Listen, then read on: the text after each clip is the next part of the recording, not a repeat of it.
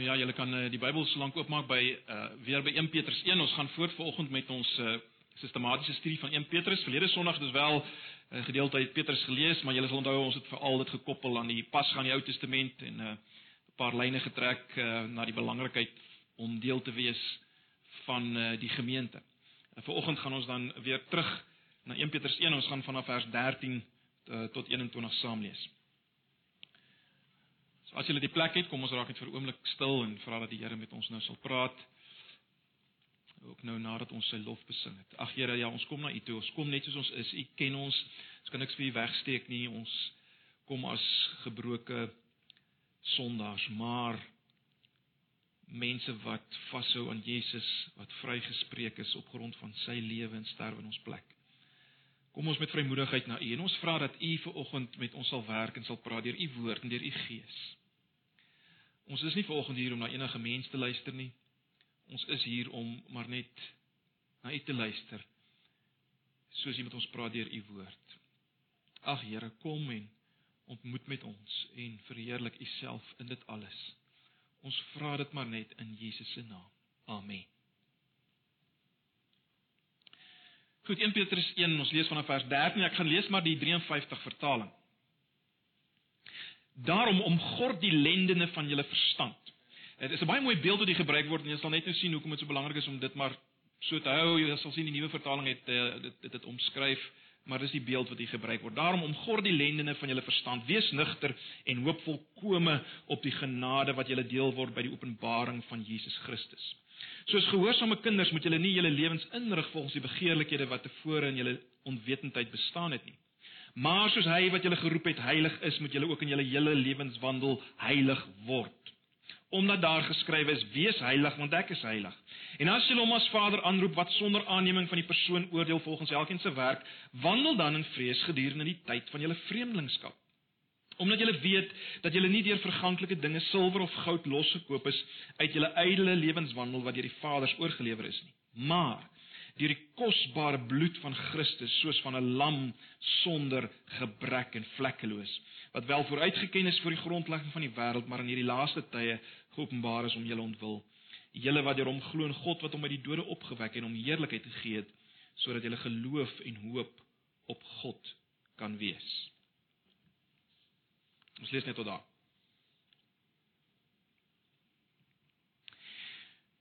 Nou broers en susters, heiligmaking is daardie aspek van die Christelike lewe uh wat lei tot geweldige misverstande en teleurstelling by Christene en mense wat hulle self Christene noem. Dit veroorsaak dat baie mense vir hulle hele lewe lank laphase jag wat hulle nooit kan vang nie. Dwalinge op die gebied van heiligmaking is legio. Ek lig net 'n paar uit. Uh, daar's die ouens wat wil voorgee, daar's daar's sekere sleutels wat jy moet ontdek. Uh en dan sal jy heiligmaking bereik. Uh met ander woorde, sekere skrifgedeeltes. Johannes 15. Jy moet net Johannes 15 verstaan, dan sal jy kom by heiligmaking. As jy net as jy net daai gedeelte begryp, dis dis die sleutel tot heiligmaking.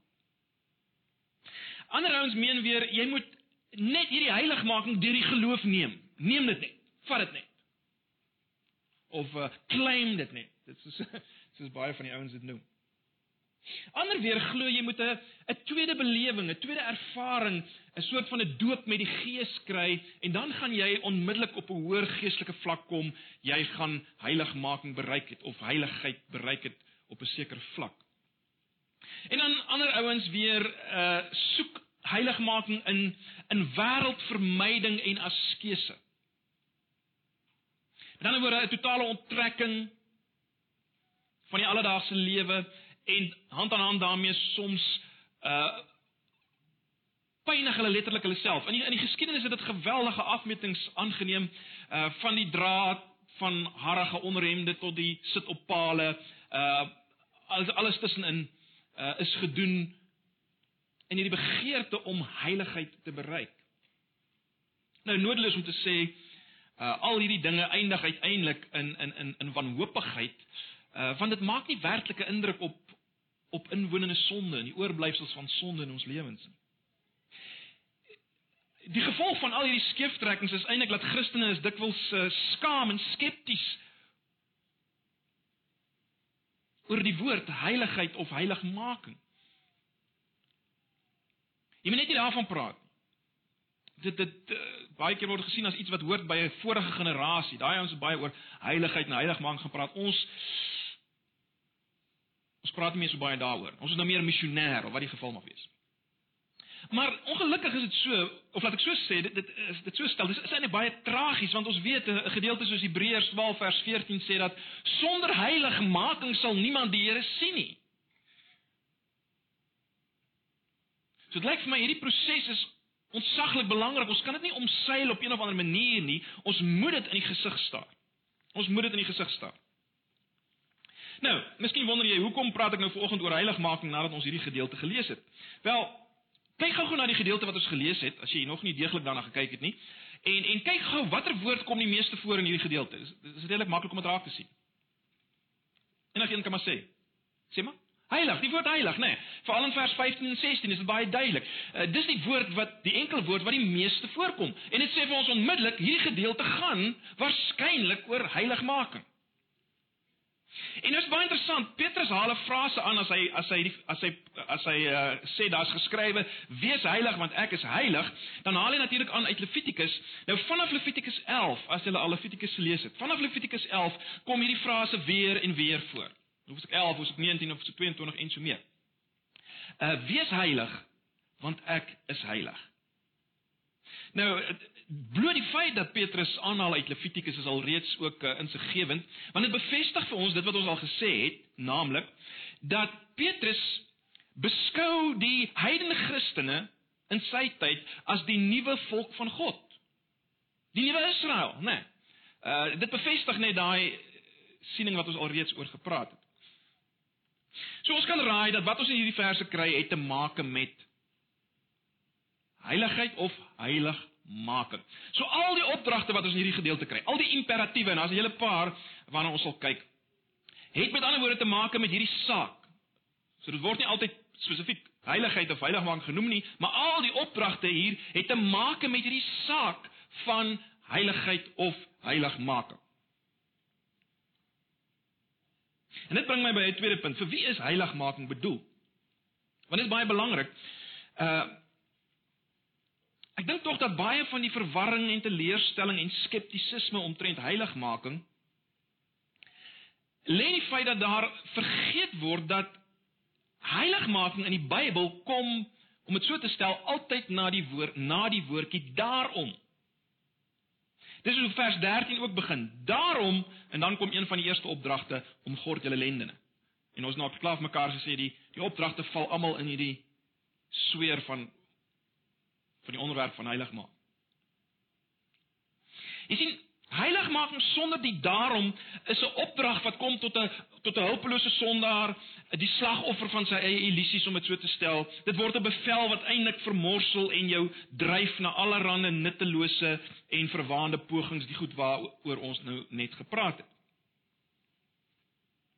Kom ek stel dit anders.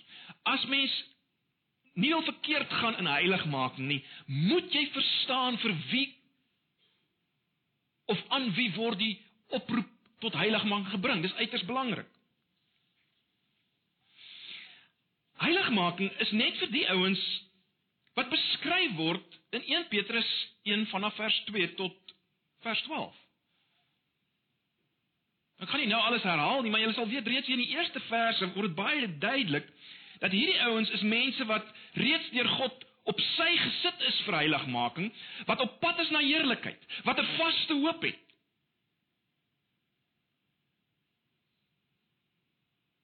Wat 'n absolute liefde vir Jesus het en 'n vreugde in hom het. Dis vir hulle wat hierdie opdrag kom word heilig. Dis waarvan julle, dis wat julle, dis wie julle is, daarom word heilig. Jy sien Dis net vir hulle of dis net aan hulle wat hierdie opdrag gerig word en kan gerig word. mense wat as jy dit so wil stel reeds God se volk is, net soos die ouens aan wie die opdrag in Levitikus gekom het reeds God se volk was, nê. Nee. Uh mense wat op pad is na die beloofde land, soos die ouens in Levitikus op pad was na die beloofde land. Uh net aan hulle kom hierdie opdrag.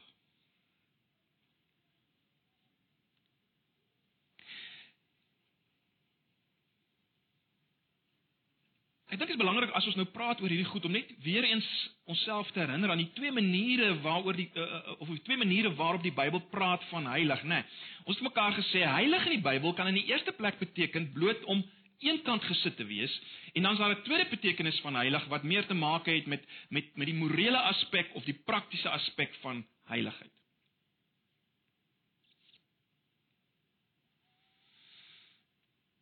In hand aan hand met hierdie twee kan mens amper sê betekenisse van heilig, is daar twee maniere waarop die Bybel praat van heiligmaking. Daar's iets soos afgehandelde heiligmaking wat te maak het met hierdie eenkant gesit wees en dan is daar iets soos voortgaande heiligmaking wat weer meer te maak het met hierdie hierdie praktiese of morele heiligheid. Nou gewoonlik as ons aan heiligmaking dink, dan dink ons net aan die tweede een, die die morele praktiese heiligmaking. Maar dit is baie belangrik om nie die eerste een te vergeet nie.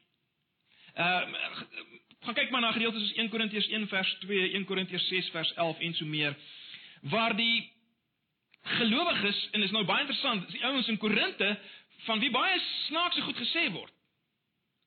Aan hulle word gesê hulle is geheiligdes. Hulle is geheilig in Christus Jesus. Hulle praktiese heiligheid het nie, nie lekker al gelyk soos dit moet lyk nie maar hulle word steeds genoem geheiligdes. Dis baie belangrik om dit raak te sien. Jy sien as 'n Christen deur die Heilige Gees gewederbaar word, word jy as te ware deur God eenkant gesit, geheilig vir 'n spesifieke doel, naamlik om al meer prakties heilig te word, sodat God verheerlik word. Dis ook hoe 1 Petrus 1 vers 2 daaroor praat. Kyk miskien net weer gou terug na 1 Petrus 1 vers 2. As Petrus praat van hy hy skryf van al hierdie ouens in Klein-Asië, dan sê hy, dan praat hy van in die heiligmaking van die Gees tot gehoorsaamheid. In die heiligmaking van die Gees tot gehoorsaamheid en die 83 vertaling het dit reeds reg geïnterpreteer as hulle as hy as hy lees afgesonder deur die Gees tot gehoorsaamheid. Afgesonder deur die Gees tot gehoorsaamheid. Dis wat waar was vir hierdie ouens. Hulle is afgesonder deur die Gees tot gehoorsaamheid. God het hulle geroep in die heiligmaking van die Gees tot gehoorsaamheid. So dis die mense van wie ons praat. Dis mense waarvan dit waar is wat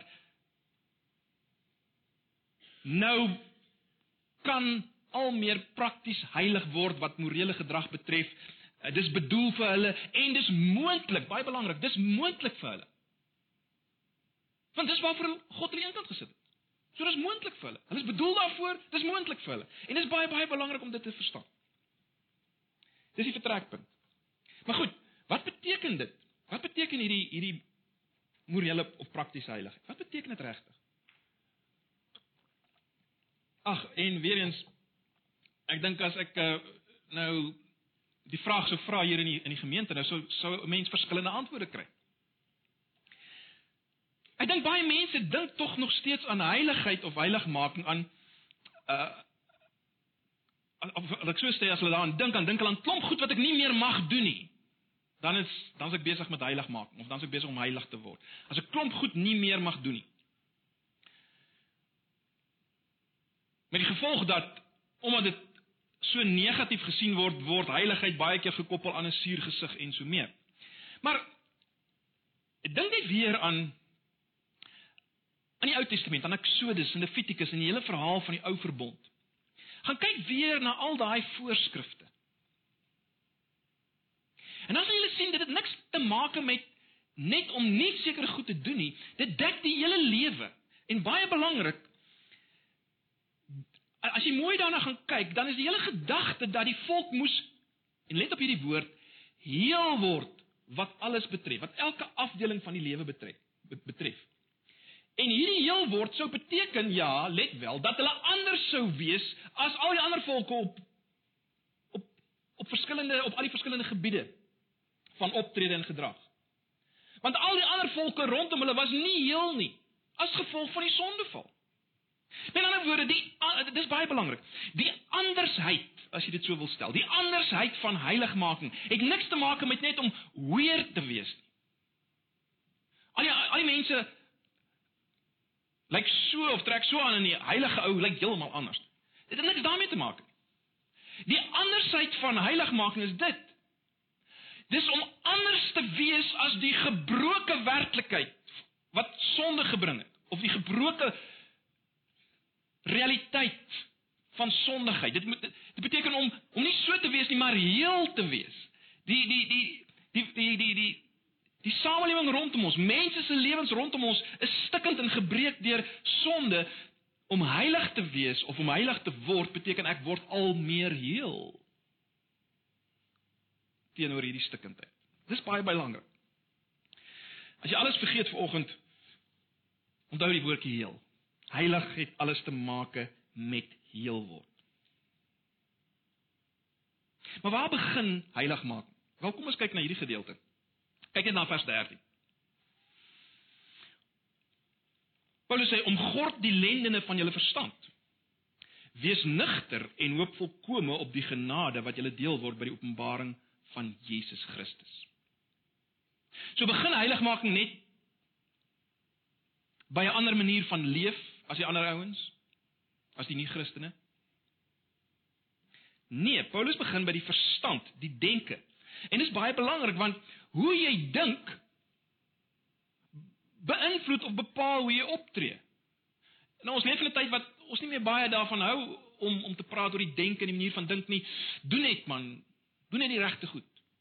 Maar dit is baie belangrik. Jy moet eers reg dink voor jy kan reg leef. En dis hoekom uh, Paulus begin met of ekskuus, ek sê Paulus, Petrus begin met om gord die lendene van julle verstand. Nou die beeld wat Petrus gebruik, uh maak miskien nie so baie sin vir ons nie. Maar dit het te maak met die die die kleredrag van daai tyd wat bestaan het uit uit, uit 'n kleed en allerlei nou los goed wat jy nog baie keer oorgehang het. En en as jy jouself omgord het, het jy letterlik met 'n beld alles vasgetrek sodat jy kan gaan kan doen wat jy wil doen en vinnig kan beweeg sonder dat jy struikel en val oor hierdie los klere. So jy het jouself omgord. Dit mag selfs wees dat Petrus, uh, onthou Petrus het, het saam met die Here Jesus ge, uh, beweeg en die Here Jesus het op 'n stadium uh, dan Lukas 12 vers 35 tot 45 het hy gepraat van die die waaksame dienskneg wat uh, waaksaam is en wag op die wederkoms. En Jesus se opdrag is daar om gord julle heupe soos daai dienskneg om gord julle heupe en Jesus kontrasteer dit met die met die ou wat homself oorgegee het aan drankmisbruik ensovoorts en onverskilligheid uh en nie gereed was vir die wederkoms nie. En dit lyk vir my Petrus gebruik hierdie selfe begrippe, né? Hy praat van om gord en wees nugter. Dis dieselfde selfe twee gedagtes as wat by Jesus voorkom om gord en wees nugter met ander woorde selfbeheers gedissiplineerd. So wat probeer hy sê met om gord? Hy probeer met om gord sê moenie toelaat dat jou gedagtes slordig rond beweeg en jou laat struikel en jou verhinder in jou Christelike lewe nie. Sê nee vir daai gedagtes as dit inkom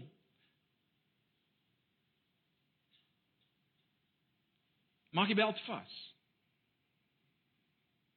En hand aan hand daarmee, wees nugter.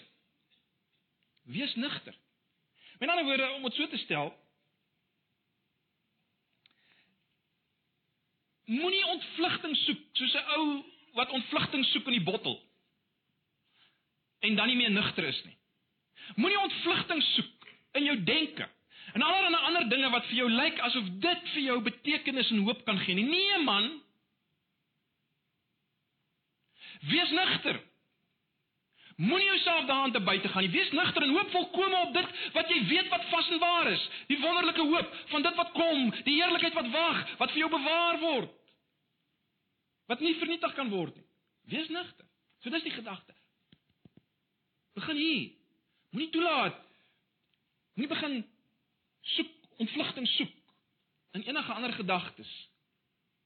Dit lyk asof dit vir jou hoop en betekenis kan gee nie. Wees nigter. Trek vas. Wees nigter.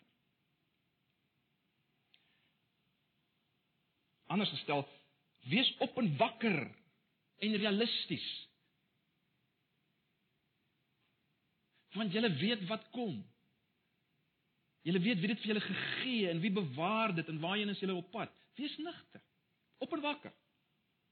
Realisties. Hierdie hierdie realistiese nigterheid as ons nou aangaan in 1 Petrus dan sien mense dit lei tot tot gebed. In 1 Petrus 4 vers 7 dit lei tot 'n ken van ons vyand en sy sy aanval op ons, sy gedurende aanvalle op ons. Jy sien die Christen is hou werk uh, wat ek so stel, die Christen hou rekening met die met die werklikheid waarin ons leef. Hy weet dit is nodig om in hierdie werklikheid te bid en die duiwel teen te staan en so mee. Natuurlik praat ons nie hier van 'n 'n vreugdelose nigterheid nie.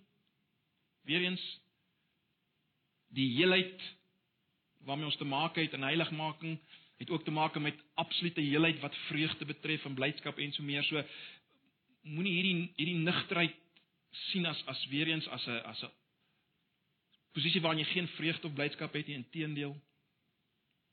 Maar die belangrike ding hier is dat heiligmaking begin nie by een of ander lekker belewing een of ander denklose ekstase nie. Heiligmaking begin met denke. Oor wie jy is en wat jy het in Jesus. En jy moet aktief daarin betrokke wees. Jy moet nee sê vir sekere denke. Broers en susters, dis deurslaggewend die rede hoekom ons dikwels verval in in in in in hopeloosheid en en ek praat vir myself is omdat ons nie nee sê vir ons versekerde denke nie. Dit bring my by my volgende punt. Heiligmaking is 'n proses wat uiteindelik al jou begeertes raak. Heiligmaking is 'n proses wat uiteindelik al jou begeertes raak. Dit is baie duidelik hier, né? Nee. As mens veral kyk na vers 14 wat praat van soos gehoorsame kinders moet julle nie julle lewens inrig volgens die begeerlikhede wat tevore in julle onwetendheid bestaan het nie. Weereens wat duidelik word is dat heiligmaking is nie 'n kits ervaring nie. En ek dink dis waar baie baie mense verkeerd gaan. Hulle wil hê heiligmaking of die heilig word van hulle van hulle lewens moet vinnig gebeur. Maar dit is baie duidelik 'n lewenslange proses. Dis 'n groeiproses. Let op, Petrus sê soos gehoorsame kinders moet julle nie julle lewens inrig volgens die begeerlikhede wat tevore in julle onwetendheid bestaan het nie. Met ander woorde, uh ek dink dit is baie duidelik hierdie prosesgedagte. Ons weet dat kinders word nie in een kits oomblik gehoorsaam nie. Dis 'n lang proses. En baie keer wonder jy gaan hulle ooit gehoorsaam word in hierdie aspek. En dan is daar weer val in daai aspek en so meer. Maar dis die die punt is maar net dis 'n proses. Hulle word nie gehoorsaam. Poeps. Die eerste keer as jy gesê het moenie dit doen of doen dat nie. Dis 'n proses. En en dis wat Petrus sê, dieselfde is waar vir Christene. Dis nie 'n geval van neem dit net deur die geloof nie of laat alles net oor aan God nie. Nee, julle moet nie meer julle lewens inrig nie. Jy moet praktiese veranderingkies aanbring. En let wel, dit gaan jou begeertes raak. Jy gaan seker goed begeer. Met ander woorde, jy gaan gaan 'n sekere manier van lewe en doen, sal jy graag wil doen, maar heiligmaking vra van jou dat jy seker goed anders inrig. Jou tydsbesteding, wat jy kyk, wat jy lees en so meer. Dit dit is die punt. En dit is 'n proses. Daar is 'n negatiewe kant, daar's sekere dinge wat jy anders moet inrig. En jou uiteindelik moet jou begeertes as te ware aan die hand gevat word, né? Nee. Doelbewus moet jy met jou begeertes werk dag vir dag. Maar weer eens, al vergeet jy alles, onthou dit, dis 'n proses wat tyd vat. Ag broers en susters, ons kan dit nie genoeg vir mekaar sê nie. Want 'n mens kan moedeloos raak. Jy kan moedeloos raak met jou eie vordering, maar onthou net jy kan vir tydperke en selfs vir jare kan dit lyk asof jy agteruitgang agteruitgaan wat jou heiligmaking betref. Maar stadig maar seker is die Here deur dit besig om jou te vat op die pad van heel word. Let nou, onthou dink aan die betekenis. Hierdie heel word proses kan baie baie lank vat.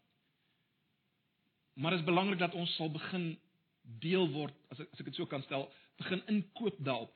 Dit begin hoor, ons moet dis 'n proses waarna ek deel het. Dit gebeur nie van self nie. Wat is die omvang van heiligmaking? Watter aspek uh, watter aspekte van my lewe raak dit? Wel kyk na vers 15. Maar soos hy wat julle geroep het heilig is, moet julle ook in julle hele lewenswandel in julle hele lewenswandel heilig word. En dis die uitdaging. Dit is so belangrik om dit te hoor dat heiligmaking het nie net te maak met die ophou van die doen van sekere groot kom ons noem dit sigbare sondes nie. Ek het groot geword in 'n klimaat uh wat dit nogal sterk gefigureer het.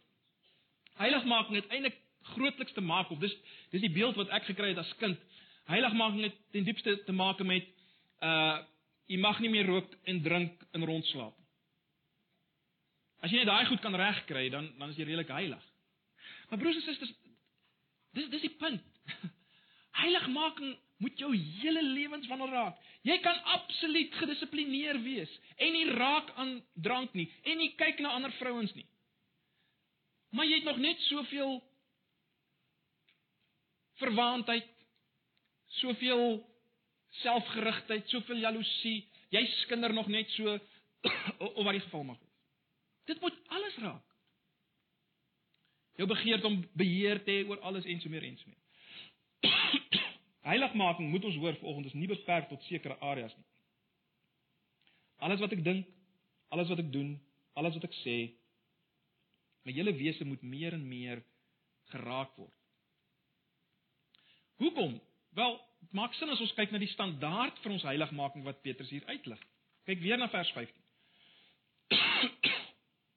Hy sê maar soos hy wat julle geroep het, heilig is, moet julle ook in julle lewenswandel in julle hele lewenswandel heilig word. Omdat daar geskrywe is: "Wees heilig want ek is heilig." Wat is ons standaard? Wat is ons standaard vir heiligmaking? Wel is baie duidelik is God, God ons Vader. En dink nou net daaraan.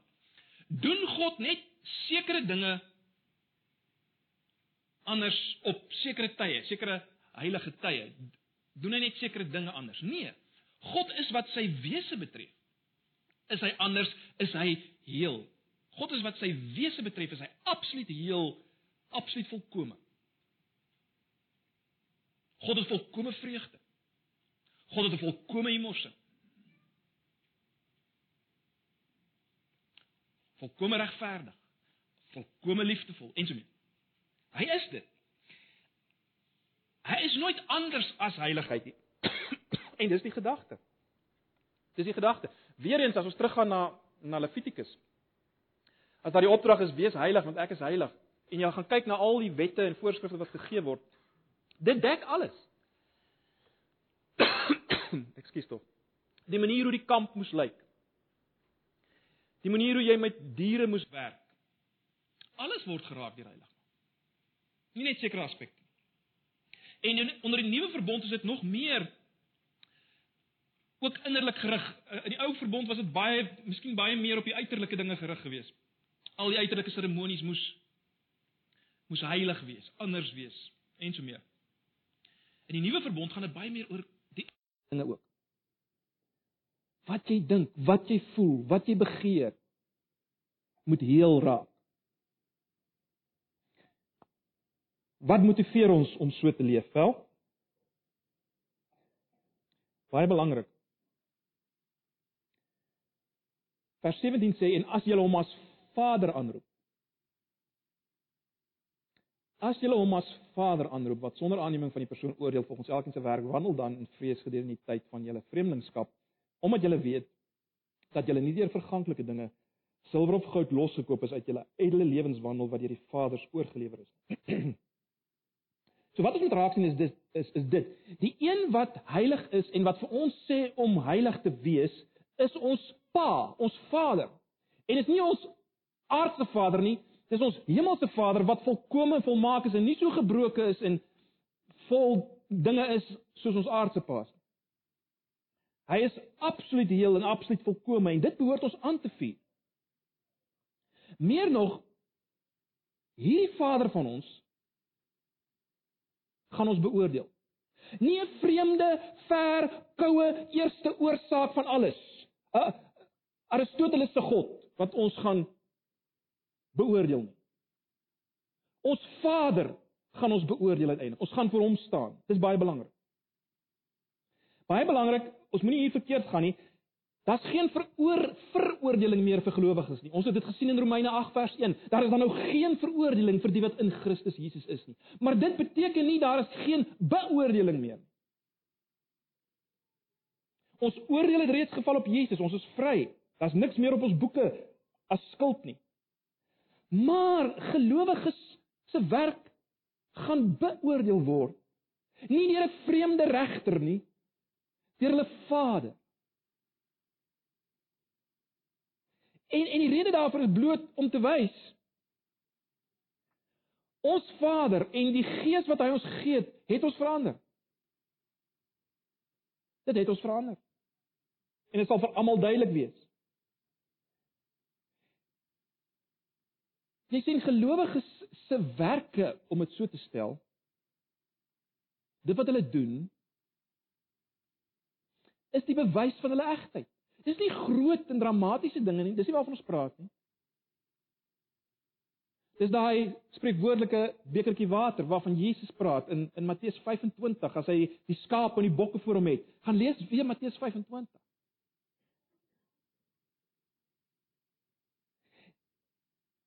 Ag ons kan baie hieroor praat. Al wat jy moet hoor vanoggend is dit. Alles wat ek en jy doen maak saak. Moenie dink ag wat ek is mos vrygespreek in Jesus, daar's geen veroordeling meer nie. So eintlik maak dit glad nie saak wat ek doen hier en nou nie. Ek kan eintlik maar net aanjaag soos ek wil. Uh ek word weer vergewe en so meer. Nee. dit maak saak hoe jy lewe. Jy gaan jy gaan eintlik voor jou Vader staan. Daar gaan 'n beoordeling wees. Nie is jy in of is jy uit nie, nie is jy gered of is jy nie gered nie. Verloon vir dinge wat moeilik is nou om te begryp, maar die punt is dis belangrik, dit maak saak hoe ek en jy lewe. En daarom sê Petrus, wandel dan in vrees gedurende die tyd van julle vreemdelingskap. Dis die letterlike vertaling. nou die tyd van ons vreemdelingskap, weet ons nou al verwys bloot na die tyd hier op aarde. Ons is vreemdelinge hier want ons burgerskap is eintlik in die hemel. Wat bedoel hy met wandel in vrees? Bedoel hy ons moet beangs wees en bang wees? Nee, hier vrees is is 'n term wat natuurlik baie in die Ou Testament voorkom. Ek het gesien volgende Dorine na verwys na 'n boek wat daaroor praat. So miskien moet julle die, die boek maar lees, maar hierdie vrees In die Ou Testament het alles te maak gehad met die manier hoe jy die Here gedien het. Met ontsag. Met ander woorde jy het geleef met die bewustheid alles wat ek doen is oop en bloot vir die een in wie se lewe in wie se hande my lewe is. Alles is oop en bloot vir hom. Ek vra in alles wat ek doen maak dit hom gelukkig. Ek besef ek gaan eendag voor hom staan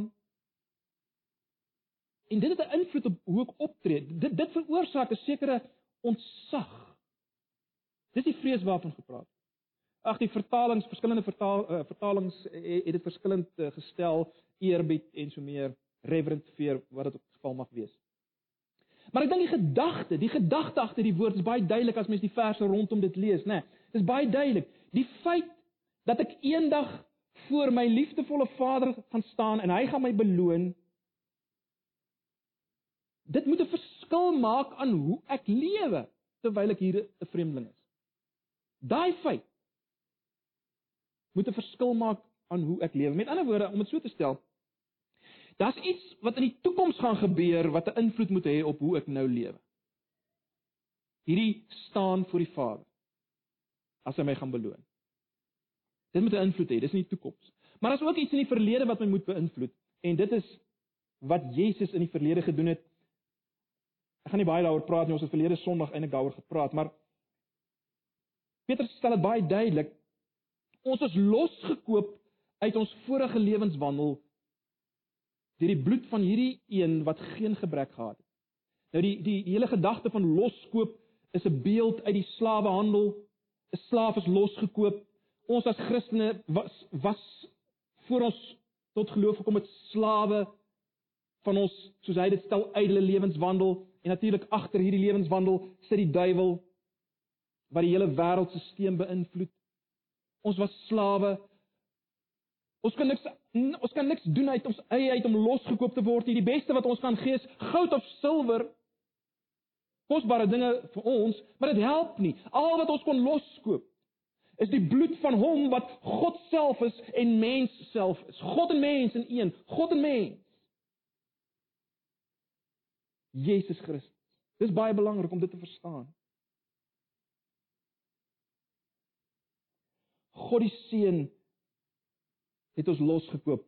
Ons het verlede Sondag daaroor gepraat, maar ek ek ek wil dit weer beklem beklemtoon. Die een wat ons Vader is, is presies dieselfde God as die een wat gesterf het op Golgotha. Dis een God. Ja, dis God die Vader en God die Seun, maar ons weet hulle is een. Jesus sê ek en die Vader is een. Wie my gesien het, het die Vader gesien. Dis een God wat ons vir wie ons uiteindelik gaan staan, wat ons gaan beoordeel. En dis daardie God wat ons losgekoop het deur sy kosbare bloed as God die seun. En dit moet dit moet ons motiveer. Ek gaan staan vir hierdie een. Vir hierdie een wat geen gebrek gehad het as mens. Geen sonde gehad het. Wie se bloed gevloei het in my plek. Wat my losgekoop het met hierdie geweldige prys van sy eie lewe. Ek gaan vir hom staan. Gaan hom in die oë kyk eendag. Gaan hom in die oë kyk. Dit moet my motiveer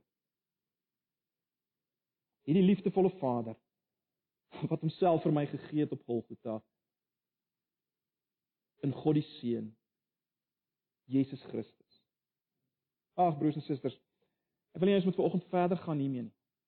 Ons gaan volgende Sondag nog verder kyk na hierdie hele saak van heiligmaking. 'n Paar ander dinge raak sien. Kom ons stop volgende hier, maar ek wil nou vra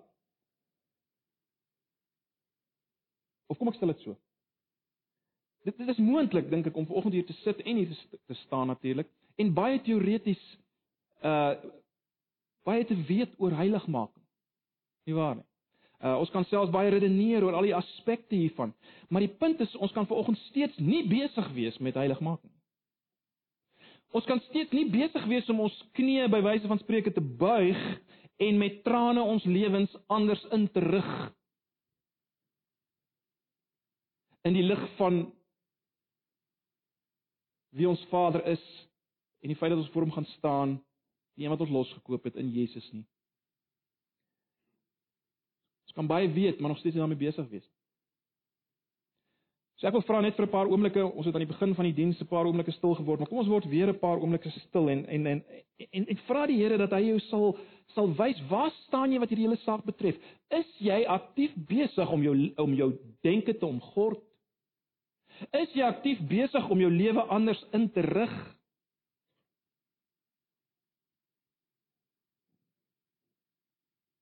Wandel jy met ontsag in die lig van die wete van van die feit dat jy voor die Vader gaan staan? God die Vader en God die Seun wat homself gegee het vir jou, leef jy in die lig daarvan? So kom ons word vir 'n paar oomblikke stil, elkeen by homself en vra dat die Here jou sal wys waar jy staan. Vra jouself af, is ek besig hiermee? Gee 'n paar oomblikke en dan sluit ek vir ons af.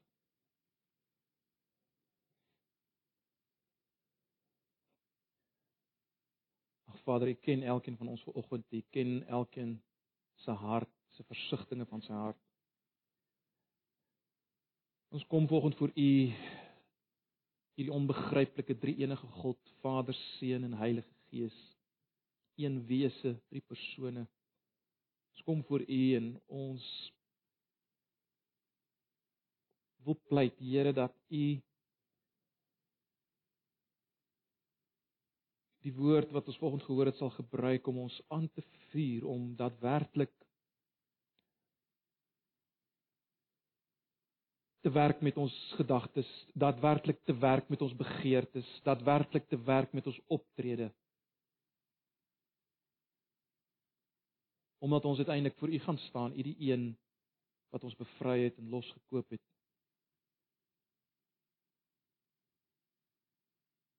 En ons weet Here uiteindelik eendag sal al die lof en die eer weer aan U toe kom. Ons sal ons sal al die krones waarmee ons beloon word sal ons weer voor U neergooi soos ons in Openbaring sien want aan U kom al die eer toe vir dit alles.